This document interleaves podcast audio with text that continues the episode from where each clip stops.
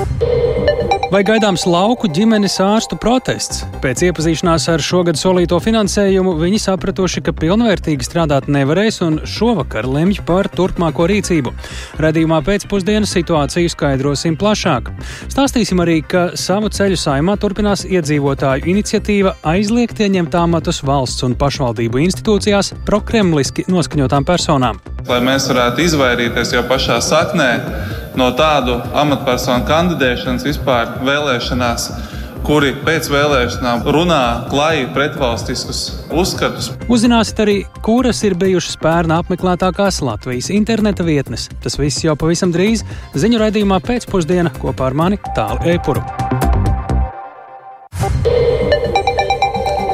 Labdien, pulkstenis ir 16,5 minūtes. Skan pēcpusdienas ziņu programma, skaidrojot šodienas svarīgos notikumus. Studijā tālāk Seipurs. Labdien! Par cik un kam celt algas Rīgas domē? Tas ir viens no jautājumiem, par ko šodien uh, bija aizlemj Rīgas domas finanšu un administrācijas lietu komitejai. Iepriekš jau bija izskanējis, ka galvaspilsētas mēra algu plānots palielināt par 2,5 tūkstošiem eiro, bet domas deputātiem par vismaz 600 eiro. Komitejas sēde jau pirms kāda laika sākusies, apmēram pirms stundas, un tās darba attālināti līdz sekojas, uh, un uh, es saprotu, tikko arī beidzis sekot pamatot iemeslu dēļ Viktors Demīdos, viņš mums arī tāpēc pievienojas studijās veiks uh, Viktor, vai šobrīd jau ir kas izlemts? Jā, sveicināti. Jāatzīmē, ka pati komitejas sēde arī nu pat, nu pat ir arī beigusies, un, ja runājam par deputātu algām, tad jā, deputāti tā komiteja ir atbalstījuši algu kāpumu sev. Jāatzīmē, ka, un zīmīgi ir tas, ka neviens no deputātiem neuzdeva nekādus jautājumus, un nebija arī nekādu debašu vai iebildumu, un viss noritēja klusi un mierīgi. Bet tas pagaidām komitejā, lielā lemšana domē it kā vēl priekšā. Jā, jā, bez šaubām, tā ir tikai komiteja, bet, ja runājam par pašām algām, un un, un lai būtu arī klausītājiem saprotamāk, tad uh, algas palielināt ļauj pērnu valdībā un saimā pieņemt atlīdzības reformu, un ņemot to vērā, tad amatu kategorijas sarindojas, un, piemēram, zemākiem amatiem alga šogad drīkst būt robežās no gandrīz 550 eiro līdz 800 eiro, bet augstākiem amatiem no 3900 līdz 6400 eiro. Šogad kā bāzes mēneša alga valstī ir noteikta summa 1140 eiro vērtībā un atkarībā no tad ieņemamā amata, tad piemērojas koeficients. Piemēram, saimas priekšsādātājiem un premjeram koeficients ir 7, tātad viņu alga šogad ir gandrīz 8000 eiro. Ja runājam par Rīgu, tad Rīgas mēra Mārtiņam Staķim tik augsts koeficients mm, nav plānots, taču neatkarīgi no tā viņa alga varētu pieaugt par 2,5 tūkstošiem eiro, sasniedzot 6400 eiro. Nu, tas, jā, to arī akceptēs um, gaidāmā domas sēde sēdi gaidāmajā domas sēdē. Un savukārt viņa vietniekiem, tātad Vilnim Čirsim no jaunās vienotības Edvardam Ratniekam no Nacionālās apvienības Latvijas reģiona apvienības kopīgā saraksta un Lindai Ozolai, alga varētu pieaugt par 2000 eiro un tad kopumā sasniedzot 5,3 tūkstošus. Un lai gan domniekiem par to vispār neradās nekādu nedz jautājumu, nedz arī pretenziju vai ko, tad uh, Rīgas ielās uzrunātiem cilvēkiem gan par to bija kas sakāms. Un tad lūdzu paklausīsimies, ko tad viņi par to teica. Nu, viņš pa daudz, jo pārējiem jau tā nepaceļ. Pat ne tuvu tam. Kā vajadzētu tas būt? Nu, vajadzētu kaut kā, lai iet kaut kā samērīgi. Līdzīgi kā kaut kāda vidēja rādītāja, kāda ir pa valsti. Tad gan būs pa daudz, tā izskatās. Nav jāpalielina. Nu, nav godīgi šī brīža situācijā, kad citiem rēķini pieaug tā, ka nezinu Nu, nezinu, kādas variantus meklēt, lai samaksātu un lai izdzīvotu reāli. Un es domāju, ka viņam līdz šim nav bijis jāsūdzas par to algu. Šobrīd nu, nu, es esmu diezgan lielā šokā, bet tajā pašā laikā nu, es saprotu, ka mēs jau īsti neko ietekmēt nevaram. Vispār nedot viņam naudu. Lai viņa šansē tā, kad būs rezultāts labāk cilvēkam, tad viņa varētu sev palielināt algu. Bet tagad neko ne, nav redzams. Paskatieties, viss tukšs. Visi veikali ciet, nekādas arendas, Valdemāra brīvības, Aleksandra Čaka iela, viss, viss tukšs. Jā, tā tad eh, komiteja lēmumu ir atbalstījusi, un mēs nu pat arī dzirdējām, ko par mm, to saka rīcnieki. Uh, bet ir jāatzīmē, ka to vēl ir jāatbalsta Rīgas domē, un tas iespējams būs jau nākamajā trešdienā, kad par to lems. Vai tam ir nauda? Tieši tik vienkāršs jautājums, jo šo it kā e, ļauj vai nosaka likums, e, bet budžetam ir e, realitātes iespēja, nevis tāda teorija. Kā šobrīd izskatās, vai plānotajam šim kāpumam varētu pietikt līdzekļi? Jā, izskatās, ka ar to grūtību nebūs arī nu pat, nu pat šajā komitejas sēdē arī atbalstīja 23. gada, tātad šī gada tehnisko budžetu. Un, ja runājam par deputātu algām vēl, tad šogad no rīdzinieku kabatas aizies vairāk nekā 650 tūkstoši eiro tieši, tieši minētajiem deputātiem. Un, un, un taču salīdzinot ar pagājušo gadu, šogad plānots, ka par 180 miljoniem eiro pieaugs pašvaldības ieņēmumi kopumā sasniedzot vairāk nekā 1,1 miljārdu eiro. Un tas ir saistīts ar, gan ar palielināto ienākumu nodokli, un ar, um, arī ar um, azartspēlēm. Tātad, um, no, liel, nu, tas ir um, no azartspēlēm lielāks nodoklis vienkārši. Un uh, tad, uh, kā ienākumu, palielināto ienākumu vērtē eksperti, tad es arī jautāju uh, politologam Filipam Rajevskim. Tad lūdzu paklausīsimies, ko tad viņš saka, ka aug pašvaldībai ienākumi. Inflācijas rezultātā drusku pieaug cilvēku ienākumi, rīdzinieku, un mēs zinām, ka Rīgas galvenais ienākuma avots ir ienākuma nodoklis, un šai situācijā tie skaitļi pieaug. Cilvēki nekļūst bagātāki, bet tiek pasniegts, ka tie ienākumi ir bagātības pieauguma rezultāts. Tas ir tipisks inflācijas ietekme uz budžetu. Jo, ja mēs paskatāmies uz pārējiem rādītājiem, Rīga sarūk, kļūst nekonkurētspējīgāk, un tas ir tas sliktākais, kad izmaksu sloks sloks aug, bet rīdzinieku skaits un biznesa apjoms pilsētā krīt, kas padara ar katru soli tādu lejupejošu spirāli. Šim slogam pieaugot, mēs kļūstam atkal aizvien nekonkurētspējīgāki, un rezultāts ir tas, ka Rīga un rīdzinieki ļoti nopietni cieši ekonomiski. Jā, un ja mēs runājam vēl par izdevumiem, tad arī tie pieaug un kopumā sasniegs 1,25 miljardus eiro. Tad uh, lielākie izdevumi, vairāk nekā 400 miljonu eiro, būs izglītība, nu, tātad skolotāju algām, un, piemēram, jā, un, un, un, un tad arī ekonomiskai darbībai, kas ir satiksmes infrastruktūras objekti, tad dotācijas Rīgas satiksmei, nu, arī sociālajai aizsardzībai, salīdzinot ar pagājušā gada sākumu, tad pieaugs par 35 miljoniem eiro kopumā sasniedzot vairāk nekā 150 miljonus eiro. Lūk, tā. Paldies, sakām Viktoram eh, Demīdovam, bet eh, atalgojuma pieaugums ne tikai augstākajām valsts un galvaspilsētas amatpersonām un darbiniekiem Rēzeknes pašvaldība. No janvāra ir paaugstinājusi algas visiem domas darbiniekiem. Pilsētas mēram un viņa vietniekam alga pieaugs par 200 eiro, bet stundas likme deputātiem par 60 eiro centiem. Daudzi Latvijas radio uzrunātie rēzeknieši uzskata, ka pašlaik nav piemērotākais laiks algu palielināšanai domas darbiniekiem, jo īpaši tās vadībai. Vairāk īvētas Čigānas veidotajā ierakstā. Es domāju, ka tagad krīzes laikā nevajadzētu celt algas. Viņam algas ir diezgan labas, varbūt vēlāk, lai mazliet pāriet krīzes laiks. Rēzeknes ielās uzrunāto pilsētnieku domas par atalgojuma paaugstināšanu domas darbiniekiem atšķiras. Esmu pašvaldības darbiniece. Jā. Protams, es saprotu sabiedrības daļu, kura teiks, ka viņi savu ceļu, bet citiem neceļ un tā tālāk. Bet uh, jāņem vērā, ka viņi arī ir tādi paši cilvēki kā citi, jā, un viņiem arī ir jāmaksā par dzīvokli un ir tie paši izdevumi un tā tālāk. Nu, par savu darbu viņiem laikam ir pelnījuši paaugstinājumu. Rēzeknes domes izpildirektors Raimons Aļehna, runājot par algu paaugstināšanu visiem 1055 domes darbiniekiem, vadībai un deputātiem, uzsver, ka viņu algas nav mainījušās kopš 2018. gada. Tajā pašā laikā, ievērojot likumdošanu, atalgojums pašvaldības darbiniekiem ir jāpalielina. Mēs virzamies uz likumā normu izpildi. Tas termiņš ir 2027. gads, kad visiem pašvaldībā strādājošiem darbiniekiem vajadzētu atalgojuma ziņā sasniegt zemāko līmeni katra no noteiktiem darbinieku alga grupām. Uz šo brīdi lielākā daļa mūsu pašvaldībā strādājošo nesasniedz šo zemāko līmeni. Rēmons Lehno uzsver, ka zemā atalgojuma dēļ pašvaldība nevar atrast speciālistus, kas būtu gatavi strādāt par piedāvāto algu. Mēs vairāk kārt izsludinām amata konkursus uz vairākām pašvaldībā vakantām vietām. Konkursi tiek rīkoti pat trīs reizes. Mēs meklējam ceļa inženieri, pēc tam pilsētas infrastruktūras nodaļas vadītāju. Nu, protams, ka mēs par tādu atalgojumu darbinieku atrast nevaram. Ar šo gadu pašvaldības iestāžu 311 darbiniekiem, kam noteikta minimālā mēneša darba alga, tā tiks paaugstināta uz 620 eiro. Pārējiem 744 pašvaldības iestāžu darbiniekiem nolemts paaugstināt mēneša algu par 20%. Rēzeknes mēram un viņa vietniekam alga pieaugs par 200 eiro. Savukārt domas deputāti par darba stundu saņems par 60 eiro centiem vairāk. No pašvaldības budžeta algu pieaugumam Rēzeknes pašvaldības darbiniekiem, deputātiem un vadībai tiks tērēti vairāk kā 2 miljoni eiro. Iveta Čigāni, Latvijas radio studija Latgalē.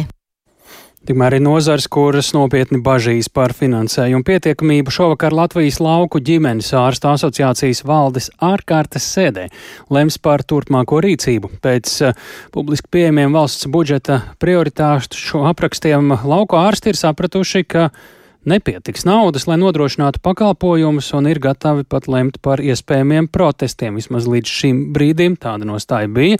Tieši tāpēc pie mūsu klausulas Latvijas lauku ģimenes ārsta asociācijas viceprezidents Ainis Dzelps. Labdien!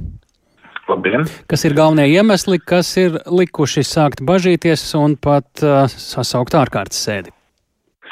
Es domāju, ka daudzi no mums ir pamanījuši publiskajā telpā ļoti sarunas par finansējumu trūkumu veselības nozarei, un acīm redzot, tas finansējums ir tik, cik ir, un, un daž, dažādi iespējamie kaut kādi uzlabojumi šajā jomā varētu būt tikai. Par jūsu iemesliem, kas to ārkārtas sēdi liks? Mūsu, mūsu iemesli ir sekojoši, ka mēs esam ļoti nobažījušies par to, ka mums nespēsim nodrošināt primārās veselības aprūpas pakalpojumus pietiekamā līmenī.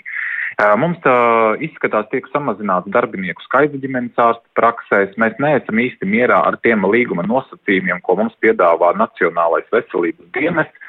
Mums, pak, mums nāk klāt daudz dažādi jauni pienākumi, un kas ir jāuztur joprojām, bet īstenībā bez finansējuma pieauguma un bez, bez cilvēku resursiem. Šobrīd daudz kur sevišķi laukos veidojās situācijas, ka kolēģi pamet uh, savus uh, darbus, nu, ir lemj par uh, to, ka neturpinās līgumus ar valsti. Uh, pierunāt jaunos kolēģus darbam uh, tātad lauku teritorijās un sadarbībā ar Nacionālo veselības dienestu kļūst ar vien grūtāk. Mēs ar vien grūtāk spējam piesaistīt darbam vidējo medicīnas personālu, un tas viss kopā veido situāciju, ka mums ir grūtības nodrošināt tādus pienācīgus un kvalitatīvos primārās veselības aprūpas pakalpojumus, kas izsauc gan negācijas sabiedrībā, gan uh, samazina mūsu tādu profesionālo gandarījumu par, par mūsu darba apstākļiem. Jā, kā jums izskatās, kas būtu tās lietas, kam būtu jāpamainās nu, tajā, ko jūs redzat šī gada budžeta projektā vai prioritātēs, lai tomēr tā situācija būtu vismaz apmierinoša? Mēs noteikti uzstājam lauku reģionos, ka mums ir jāsaglabā šī papildus darbinieka štata vieta, tādās pietiekami lielās ģimenes ārsta praksēs, kas vismaz izpilda tos kritērijus, ko valsts ir noteikusi attiecībā gan uz vakcināciju, gan citiem profilaktiskajiem pasākumiem. Mēs noteikti runājam par finansējuma palielinājumu prakšu uzturēšanas izdevumu kompensācijai, kas ir sasnieguši ļoti lielus izdevumus un ko mēs ar šī brīža tarifiem nevaram nosekt. Un nākamais, protams, ir tarifu paaugstinājums, lai sektu vismaz izmaksas tiem pakalpojumiem, ko mēs sniedzam. Cik lielu papildus finansējumu pašreiz redzamajam šī, šīm gadam tad vajadzētu, lai to varētu īstenot? Man varbūt kā ģimenes ārstam ir grūtāk pateikt tās summas miljonos, cik tas rezultējā kā, kā tādā gala rezultātā, Priekšstat. bet tas, kas mums kā ģimenes ārstiem šobrīd rēķinot savu darbu gan decembra, gan janvāra mēnesī, mums ir iztrūkums veidojās aptuveni 1000-1500 eiro, kas pamatā aiziet gan uz materiāliem, gan uz apkures izdevumiem, ko mēs šobrīd sedzam no tā saucamajiem maksas pakalpojumiem, ko mēs sniedzam ģimenes ārsta praksēs, un tas īstenībā ir viena daļa arī no mūsu atalgojuma, ko mēs šobrīd ieguldam, lai uzturētu valsts apmaksātus pakalpojumus. Šobrīd, eh, es saprotu, jums šodien arī vai nu tikko ir bijusi vai būs komunikācija ar veselības ministriju. Mēs arī mēģinājām sazināties, un ministre Līga Mendelsone tieši radījā nevarēja pievienoties, taču atsūtīja rakstiski savu viedokli, kurš gan jāsaka ir visai vispārīgs, ka Latvijas lauku ģimenes ārsta asociācija, tagad es citēju, bija viena no pirmajām, ar ko tikos stājoties veselības ministra samatā. Man ir saprotams lauku ģimenes ārsta problēmas un bāžas un sarunas par šī gada veselības nozares budžetu turpinās. Tās nav vieglas, protams, es turpināšu dialogu arī ar nozares asociācijām, lai rastu labākos iespējamos risinājumus. Tātad nekā konkrēti šeit, ko jums tas nozīmē, un varbūt arī, ko jūs šodien jau varbūt esat no ministrijas un ministri sapratuši.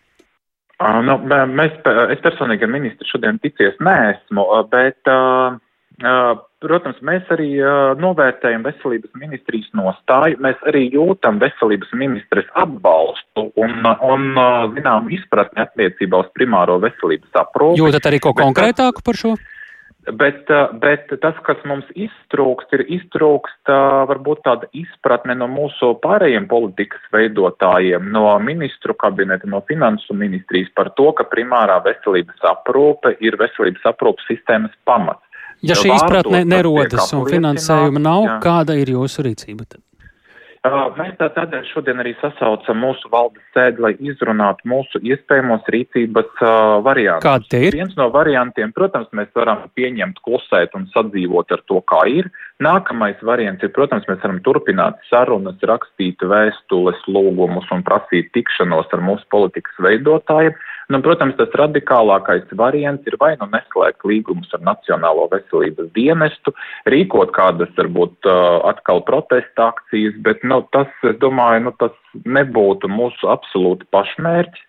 Mēs vairāk, protams, ceram, ka pievēršot papildu uzmanību, runājot un skaidrojot un pārliecinot par mūsu vajadzībām, ka mēs nonāksim pie kopsaucēja, ka tātad sarunas turpināsies. Primārai veselības aprūpē ir ārkārtīgi būtiska. Lielas paldies par sarunu. To mēs sakām lauku ģimenes ārstu asociācijas viceprezidentam Ainim Dzalbam un turpinām raidījumu pēcpusdiena.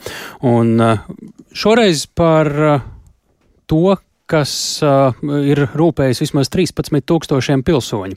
Aizliegt ieņemt amatus valsts un pašvaldību institūcijās prokremliski noskaņotām personām. Šāda būtiska sabiedriskā iniciatīva turpinās savu ceļu saimā. Vairāk nekā 13 tūkstoši pilsoņu parakstīto iesniegumu nolemts dot vērtēšanai vairākās saimas komisijās. Balsojums par to bija te vienprātīgs, vienīgi stabilitātei deputāti šādu topošo kārtību nosaukuši par politiskas izrēķināšanās rīku. Vairāk jā Jāņa Kīņša ierakstā. Kolektīvā iniciatīva paredz, ka no nodokļu maksātāju naudas algotu valsts un pašvaldību iestāžu darbinieku politiskie uzskati nedrīkst būt pretrunā ar Latvijas valsts vērtībām. Vairāk nekā 13 tūkstoši cilvēku parakstītajā iniciatīvā prasīts arī likumā noteikt liegumu Latvijai nelojāliem cilvēkiem un Krievijas agresijas Ukrainā atbalstītājiem kandidēt Saimas pašvaldību un Eiropas parlamenta vēlēšanās. Saima jau pērn ar grozījumiem likumā liegus Tatjanai Ždanakai viņas nostājas dēļ Latvijā atkārtot kandidēt Eiropas parlamenta parlamenta vēlēšanās. Šis piemērs liecina, ka regulējumam jātop ātri, debatēs norādīja Viktors Valāns no Zaļo un Zemnieku savienības. Lai mēs varētu izvairīties jau pašā saknē no tādu amatpersonu kandidēšanas vispār vēlēšanās, kuri pēc vēlēšanām runā klāji pretvalstiskus uzskatus, tādējādi reprezentējot arī Latvijas valsti. Latvijā, piemēram, civildienestā, tiesību sargājošajās iestādēs strādājošajiem un arī skolotājiem prasība par lojalitāti valstī ir noteikti jau pašlaik, bet daudzās nozarēs šādas prasības nav. Lai nesāktos raganu medības, saimai ir jānosaka skaidri kritēriji un rīcības modelis valstī nelojālu cilvēku identificēšanai un turpmākai rīcībai. To jau iepriekš saimas mandātu etikas un iesniegumu komisijā norādīja valsts drošības dienesta priekšnieka vietnieks Ēriks Cinkus. Jāiet divi šie strateģiskie ceļi. Viens ir jāmēģina pilnveidot normatīvo regulējumu, lai tiešām iestrādātu tajās nozarēs, kur tā šobrīd regulējuma nav. Bet otrs ir jāatrod veids, kādā pašas institūcijas vienkārši šo instrumentu sāk reālajā dzīvē daudz aktīvāk darbināt. Nacionālās apvienības deputāts Aleksandrs Kirsteins norādīja, ka efektīvs līdzeklis būtu arī pilsonības atņemšana par atbalstu Kremļa politikai. Ja jūs paskatīsieties likumā par Latvijas pilsonību, tur ir teikts, ka pilsonība ir jāatņem cilvēkiem, kas karo ienaidnieku armijā vai propagandistiski aicina atbalstīt kādu agresoru valsti, kas ir iebrukusi mums draudzīgā valstī, un ne tikai sadarbojoties militāri vai spiegojot, bet arī sniedzot propagandistu atbalstu. Ar iniciatīvu strādās arī Saimnes juridiskā komisija. Tās vadītājs Andrēs Judins no jaunās vienotības aicināja deputātus piedāvāt gudrus risinājumus un neaprobežoties tikai ar vēlējumiem no Saimnes tribīnes. Ja mēs rakstām, piemēram, ka kādu personu nedrīkst apstiprināt amatā, mēs nedrīkstam pieļaut situāciju, kad cilvēks aizies uz tiesu un tiesa būs viņa pusē. Iniciatīvas mērķu īstenošanā politiskas cīņas rīku saskata stabilitātei deputātu un frakcijas vadītājs Aleksis Rosļikovs. Iedzīvotāji negribēja jums dot iespēju un zaļu gaismu politiska instrumenta veidošanai. Nu, vismaz daļa no deputātiem, kas izgāja, runāja tieši par to, ka mēs, pateicoties iedzīvotāju iniciatīvai, veidosim politisku instrumentu cīņai ar konkurentiem. Definēt prokremliskas personas un meklēt iespējas tām liekt strādāt valsts un pašvaldību iestādēs centīsies četras saimnes komisijas. Par iniciatīvas virzību bija teju visi klātesošie deputāti, pret to bija vienīgi frakcijas stabilitātei pārstāvji. Jānis Kincis, Latvijas Radio. Krievijas intereses un agresīvā rīcība ir viens no iemesliem arī mūsu nākamajam tematam. Lai stiprinātu enerģētikas infrastruktūras kiberdrošību, divi lieli Latvijas enerģētikas uzņēmumi Konexus un augstsprieguma tīkls sadarbosies ar Informācijas tehnoloģiju drošības incidentu novēršanas institūciju CERTLV. Par gāzes pārvadi un uzglabāšanu, kā arī par elektroenerģijas pārvadu atbildīgi operatori kopā ar CERTLV veidos enerģētikas infrastruktūras operatoru kiberdrošības centru. Vaicājām CERTLV vadītājas vietniekam Vairim, Varim Teivānam, ar ko tad nodarbosies šāds centrs un kāpēc tas tieši šobrīd izveidots. Šeit droši vien, lai nav maldinoši, uztveram tā informācija, ka iepriekš nekas tur nav darīts. Tas tā nav. Šis ir drīzāk tāds augstākās vadības līmeņa apliecinājums arī šajos enerģētikas uzņēmumos, kad vadība šos jautājumus identificē kā ļoti nopietnus un arī apliecina šo sadarbošanās ietvaru, kurā tad šīs iesaistītās puses veicina apstākļus, lai apmainītos ar informāciju, un arī praktiski rīkojās, veidojot gan informācijas apmaiņas platformas, praktiskas darbības pašā infrastruktūrā un specifiski tieši fokusu uz industriālo kontrolas sistēmu drošību, to sasaist ar IT komponenti, pie kuras mēs varbūt vairāk esam pieraduši, bet mazāk varbūt pieraduši tieši skatīties to miedarbē ar tiem dzelžiem vai iekārtām, nu, kā piemēram vā, dažādi vārsti, kas mūsdienās arī tiek elektroniski kontrolēti, to drošība, releji un tam līdzīgas lietas. Tāds izteiktāks fokus šobrīd tam ir tādēļ, ka, protams, savu teiksim, uzmanības devu ir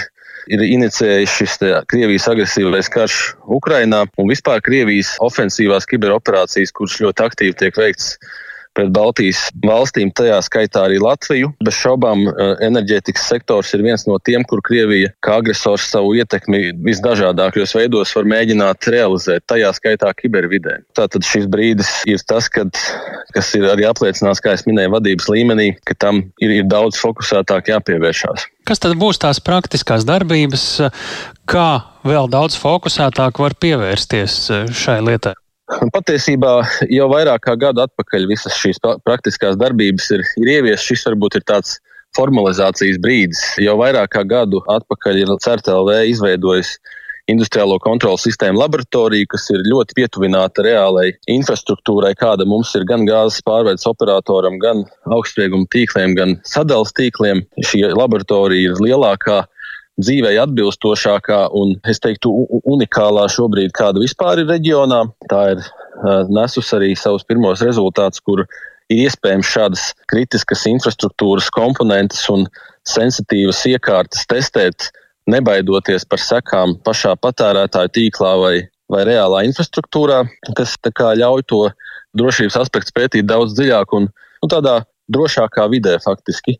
Un, uh, tas, kas tagad ir paredzēts ar šo ciešāko sadarbību, ir jau tāds nākamais līmenis, ko varētu saukt par draudu izlūkošanu kopīgu, kur tad uh, aktīvi cenšoties sadarboties pusēm, tā skaitā arī ārvalstu partneriem, kas ir šajā enerģētikas nozarē, jau censties agrīni identificēt šos apdraudējumus un atbilstoši rīkoties, nevis gaidīt, ka kāds jau viņus rada mums pašiem. Kāds ir bijis pats pēdējais laiks? Ir bijuši reāli kiberuzbrukumi vai cita veida kiberdrošības reāli apdraudējumi, kur šī CERTLV koneksus uh, augstsprieguma tīkla sadarbība ir attaisnojusies? Jā, tādi, diemžēl, ir bijuši vairāki. Atsevišķos gadījumos uh, es nesaukšu, kurās nozarēs tieši, bet kritiskā infrastruktūrā ir bijuši arī sekmīgi uzbrukumi, kuriem ir pietiekami bīstams potenciāls bijis, bet tos ir izdevies novērst. Tālūk, CERTLV vadītājs vietnieks Vārs eh, Teivāns. Eh, bet par turpmākajiem tematiem raidījumā Eiropas parlaments aicina dalību valstis aktīvāk strādāt, lai izveidotu tribunālu Krievijas vadības saukšanai pie atbildības par noziegumiem Ukrainā un ir izziņotas pērna apmeklētākās Latvijas interneta vietnes. Turpinoties Krievijas izvērstajam karam Ukrainā, rietumvalstis paziņo par arvien jaunām militārās tehnikas piegādēm Ukrainai. Tikmēr plašumā vēršas kritika pret Berlīni, jo Vācija aizvien vilcinās ar lēmumu par tanku piegādēm.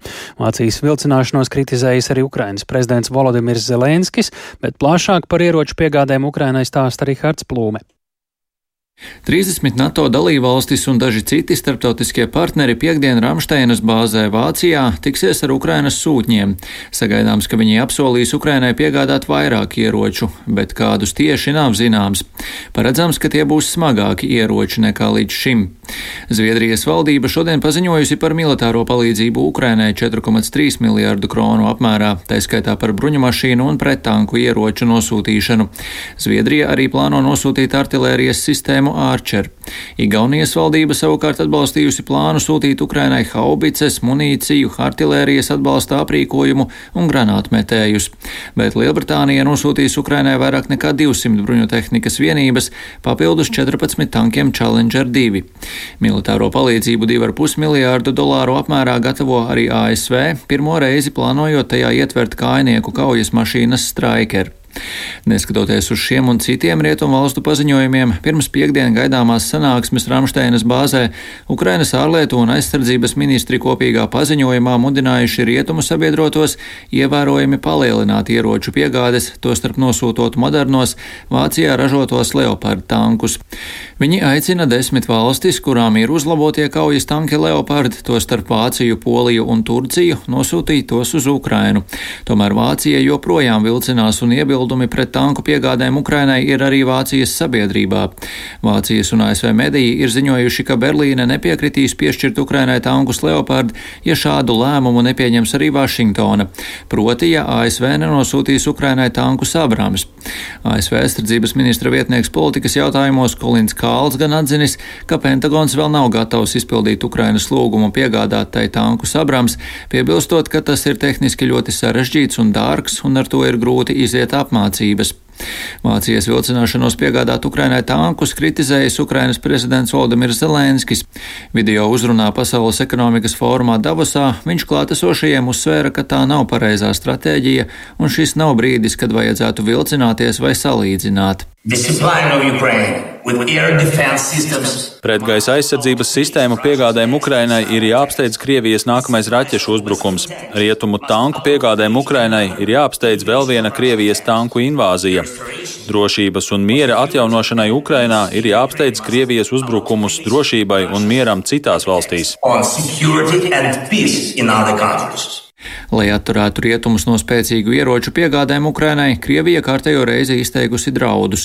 Proti Kremļa runas vīrs Dmitrijs Peskovs norādījis, ka tādu ieroču došana Ukrainai, ar kuriem potenciāli būtu iespēja veikt triecienus Krievijas teritorijai, radītu eskalāciju un paceltu konfliktu jaunā līmenī. Rihards Plome, Latvijas radio. Tātad 30 NATO dalību valsts un arī vēl citi starptautiskie partneri jau rīt Ramsteins bāzē Vācijā tiksies ar Ukrainas pārstāvjiem. Sagaidāms, ka viņi apsolīs Ukrainai piegādāt vairāk ieroču, bet kādus tieši, cik daudz tas, protams, šobrīd nav zināms. Latvijas transatlantiskās organizācijas ģenerālsekretārs Sigīts Truberga pie programmas pēcpusdienu klausulas. Labdien! Labdien! Kas tad šobrīd ir tie galvenie, nu jājautā, varbūt nevis pavēji, bet pretvēji, eh, kas eh, rietumiem liek eh, vai nu vilcināties un mazāk varēt un gribēt piešķirt smago bruņojumu? Jo galvenais vējš, protams, ir to piešķirt, bet kas ir tie šķēršļi, kas varbūt vilcina to visu? Kā jūs redzat šobrīd? Nu, faktiski primāri jau, protams, nu, tas galvenais pretvējš ir Vācija, un tas jau izskanēja arī sižetā, jo, jo tas, kas uh, izskan, ka šobrīd uh, arvien vairāk tiek stiprināta uh, Ukrainas gaisa aizsardzība, bet tie tanki ir tas, kas ir uz frontes līnijas nepieciešamākais. Un faktiski ir tādi aptuveni aprēķini, ka, ir, ka tie ir aptuveni simts tanki, un te nu bez Vācijas nu nekādi. Un tas tāpēc ir tas nozīmīgākais jautājums, ko visticamāk arī a, apspriedīs Ramšteinā. Tāpat arī ir jāsaka, ka tas vēl, tas cits, tas atzars tam pretvējam arī tika pieminēts sižetā, ir Vācijas izteiktā pozīcija, ka Vācija varētu mainīt savu viedokli par tanku piešķiršanu vai kā minimums vismaz atļaušanu citām valstīm piešķirt leopardus būtu, ja ASV piekristu dot savus ābramus. Nu, un te savukārt ASV arī, kā jau izskanēja sižetā. Kāpēc Vācija šādi rīkojas? Varat klausītājiem ieskicēt? Nu, pirmkārt, primāri, protams, tas ir jautājums par to, ka Vācija turpina pozicionēt sevi ar Šolcu priekšgalā kā pacifisku valsti un, un plus, protams, arī Vācijas sabiedrībā ir, nu, tādi dažādi viedokļi. Tiesa, jāsaka, e, es gan nebūtu tāda, tāda, nu, pārliecināta simtprocenti, ka, ka tā pozīcija Vācijas nevarētu rīt mainīties. Un te varētu tad, tad, tad varbūt argumentācija mainīties arī par to, kāpēc pret, jo faktiski tas, kas jau ir izskanējis, ka vicekanclers gan ir teicis, ka kā minimums varētu atļaut citām valstīm leopardus iegādāt. Jautājums gan būs, vai to tanku tādā gadījumā būs pietiekami. Un te ir šaubas ka, par to, ka bez Vācijas to, to nepieciešamo skaitu nesasniegs. Ar ko Ukraina līdz ar to pēc kā sāk izskatīties rītdienas Ramšteinas sanāksmē, varētu rēķināties? Noteikti tas būs uh, cita, cita veida ieroči, par to jau ir, ir vairākas valstis uh, uh, nu, paziņojušas, ja? bet es domāju, ka principā iespējams joprojām nevajadzētu atmest arī tos tankus. Liels jo paldies! Polija, jā. piemēram, jau ir izteikusi gatavību, ja viņus piegādāt, ja būs tāda iespēja. Jā, un arī Somijas karogu turpat Arī Karina kar klāt. Jā. Jā. Liels paldies Sigitai Strobergai, Latvijas transatlantiskās organizācijas ģenerālsekretārei. Jāatgādina, ka situācija ar moderna rietumu smagā bruņojuma piegādu Ukrainai būs arī viens no tematiem uh, 16.45. jau pavisam drīz skanošajā raidieraksta drošinātais ēteru versijā. Tur kolēģis Divs Reiznieks iztaujās Vācijas Maršala fonda ziemeļvirzienu vadītāju un drošības politikas pētnieci Kristīnu Pērziņu. Bet Eiropas parlaments šodien ir pieņēmis rezolūciju, kurā aicina Eiropas Savienības dalībvalstis aktīvāk strādāt pie tā, lai tiktu izveidots īpašs tribunāls Krievijas politiskās vadības saukšanai pie atbildības par Ukrainā pastrādātajiem noziegumiem. Par šādu tribunālu nepieciešamību šodien Davosas formā kārtējo reizi ir atgādinājis arī Valdimirs Zelenskis. Vairāk stāsta Uģis Lībietis. Diskusijas par nepieciešamību saukt Krievijas vadību pie atbildības par Ukrainā pastrādātajiem kara noziegumiem turpinās kopš brīža, kad atklātībā nonāca pirmās ziņas, piemēram, par bučā pastrādātajām zvērībām. Ukrainas vadība kopā ar ārvalstu partneriem rūpīgi dokumentē ziņas par šādiem noziegumiem, lai nākotnē starptautiskā līmenī šie pārkāpumi tiktu pienācīgi izmeklēti. Šodien Eiropas parlamentā notika diskusijas par šādu starptautisku tribunālu izveidi, jo, kā iepriekš atzina Eiropas Savienības tieslietu komisārs Didjē Reinders, pašreizējā starptautiskā krimināla tiesa Krievijas augstāko vadību pie atbildības saukt nevar. that the crime of aggression can, by definition, only be committed. Fakts, ka agresijas noziegumus pēc definīcijas var pastrādāt tikai valsts augstākā politiskā un militārā vadība, novada mūs pie jautājuma par personisko un funkcionālo imunitāti. Iespējamajam tribunālam, kura mērķis būtu izmeklēt pastrādāto agresiju, būtu jābūt apveltītam ar ļoti nozīmīgu starptautisku mandātu, lai šādu imunitāti atceltu likumiskā ceļā. Šādam tribunālam arī jādarbojas starptautiskās sabiedrības vārdā.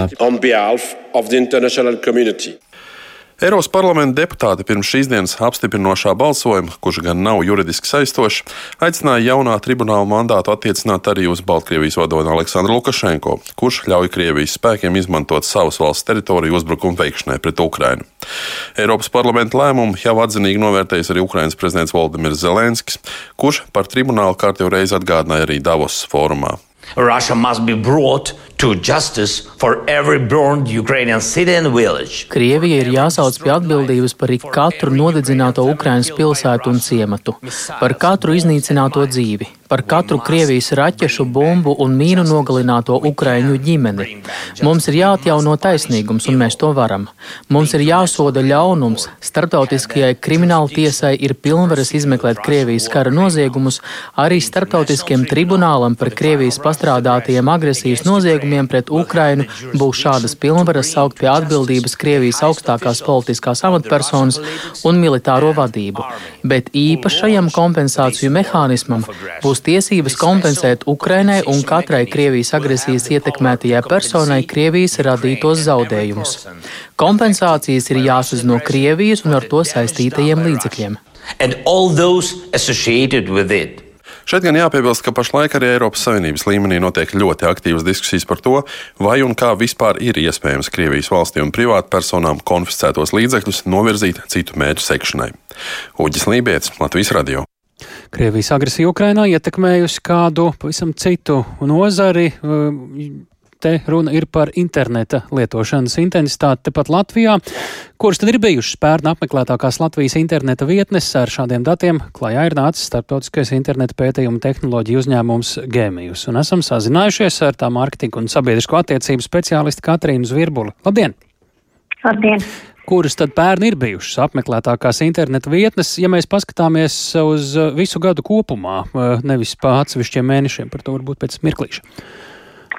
Uh, nu, kopumā gads internetā, gribētu teikt, ir bijis ļoti mainīgs, uh, gluži kā notikumi mums apkārt. Un, uh, tas, protams, lielā mērā, kā jau jūs minējāt, ir ietekmējis arī apmeklētāko internetu vietņu auditoriju un arī mūsu topu.